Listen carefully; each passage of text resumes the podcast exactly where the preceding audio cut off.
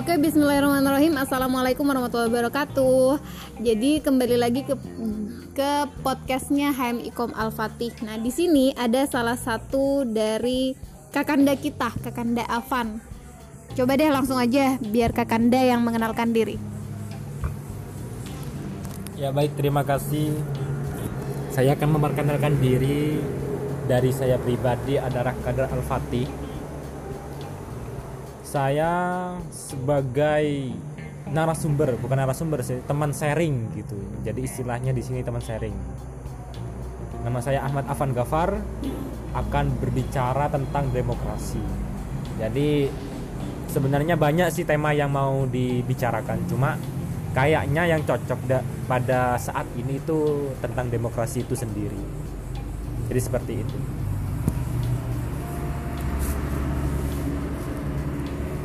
kalau menurut Kanda Avan nih sebenarnya kenapa sih kok Kanda oh sudah deh udah dijawab ya tadi ya? Aku mau nanya nih Kanda kenapa sih kok Kanda um, tertarik membahas demokrasi? Apakah ada sangkut pautnya dengan keadaan demokrasi Indonesia saat ini?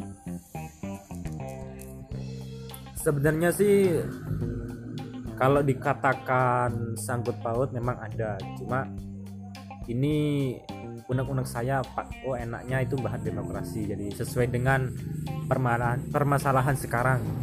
Ya entah itu isu nasional maupun isu yang lingkup kampus itu sendiri. Cuma di sini saya lebih apa berbicara tentang isu nasional. Karena melihat keadaan sekarang banyak masyarakat secara sistem demokrasi aspirasi dari mereka sendiri mungkin belum tersampaikan. Karena substansi dari demokrasi itu sendiri adalah ingin memiliki keadilan.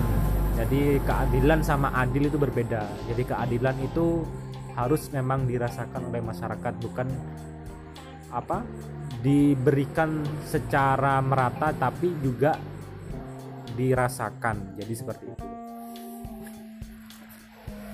Kanda tahu kan ya eh, yang perihal tentang itu loh Kanda tentang UU ITE. Nah, menurut Kanda apa UU ITE ini termasuk dari salah satu hal yang membungkam suara rakyat? Jadi mungkin saya pertegas lagi, demokrasi adalah sarana cita-cita masyarakat. Jadi sebuah sistem, sebuah wadah di mana masyarakat itu bisa memberikan aspirasi. Jadi kebebasan berpendapat itu memang terdapat di dalam sistem demokrasi.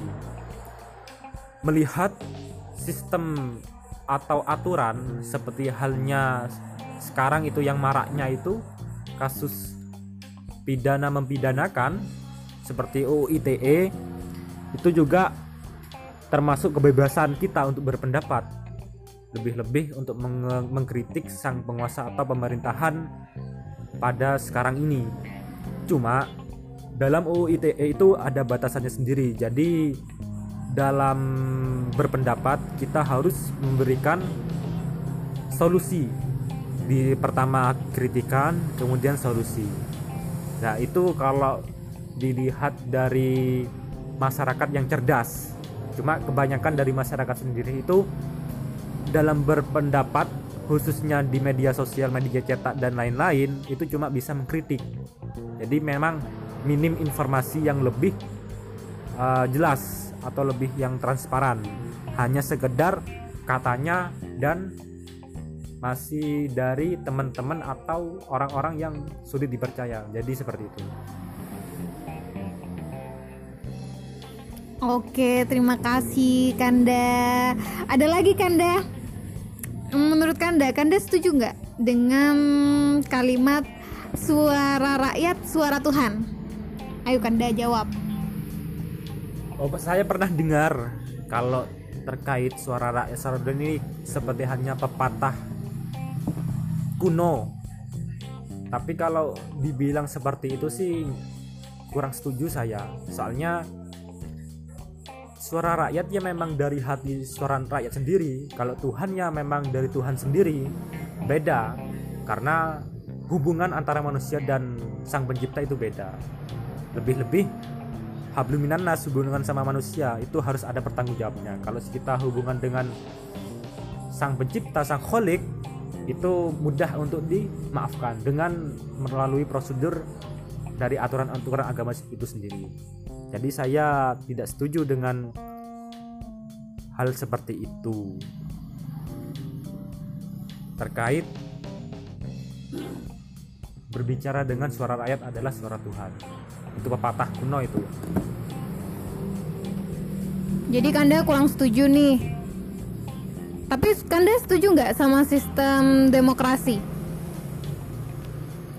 Saya sudah katakan tadi memang setuju karena sistem demokrasi ini sistem terbaik menurut saya pribadi. Melihat semua aspirasi dari masyarakat tersampaikan. Jadi seperti itu. Karena substansi dari apa masyarakat sendiri ingin keadilan.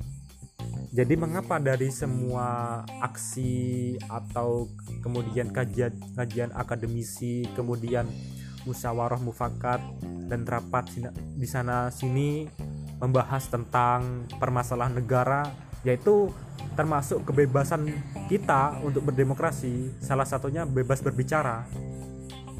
Sejak bergulingnya Presiden Soeharto kita menemukan namanya era reformasi di mana kebebasan berpendapat itu terbuka lebar. Jadi seperti itu.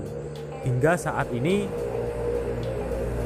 kita berpendapat masih bisa beda dengan zaman sebelum reformasi sulit soalnya masih ada batasan-batasan itu sendiri.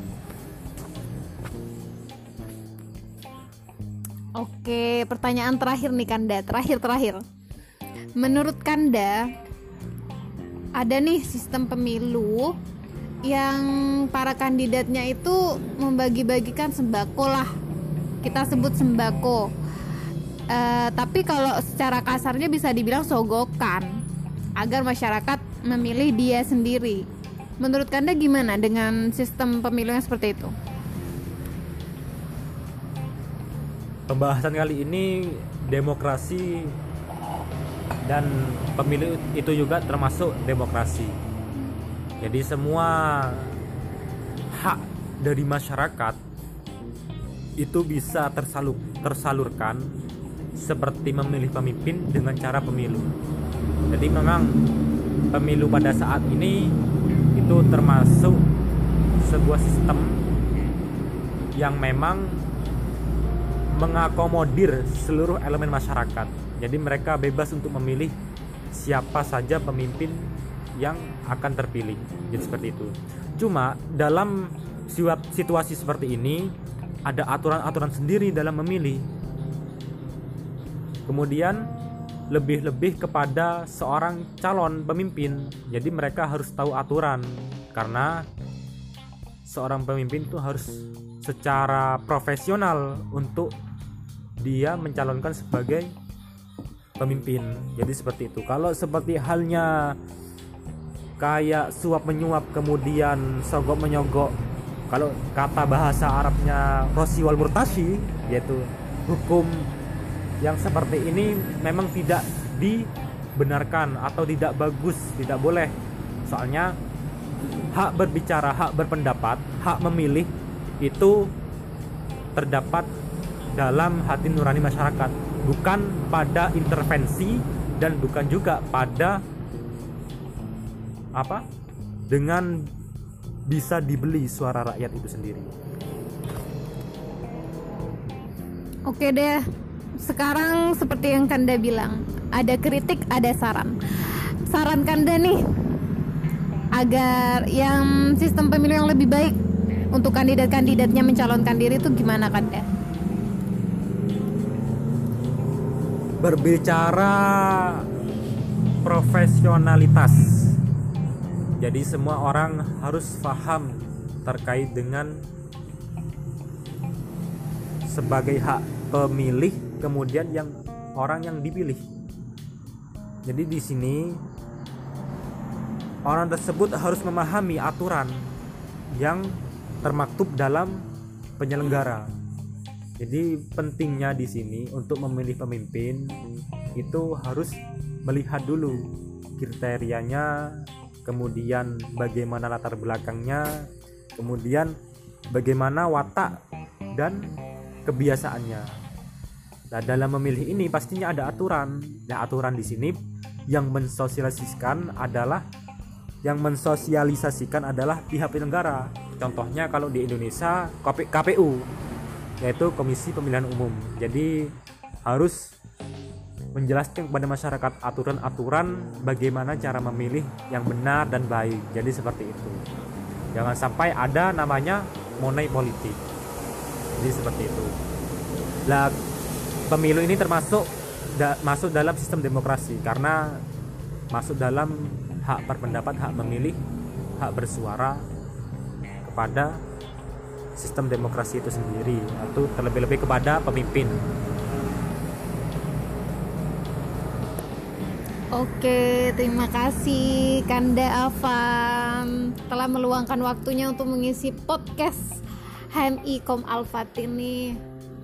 Um, untuk para pendengar yang ingin mendengar, yang ingin berpendapat atau ingin berdiskusi lah dengan Kanda Afan bisa DM ke IG HMI Kom Alfati. Nanti akan diberikan nomor WA-nya. Oke, terima kasih. Sekian dari saya. Assalamualaikum warahmatullahi wabarakatuh.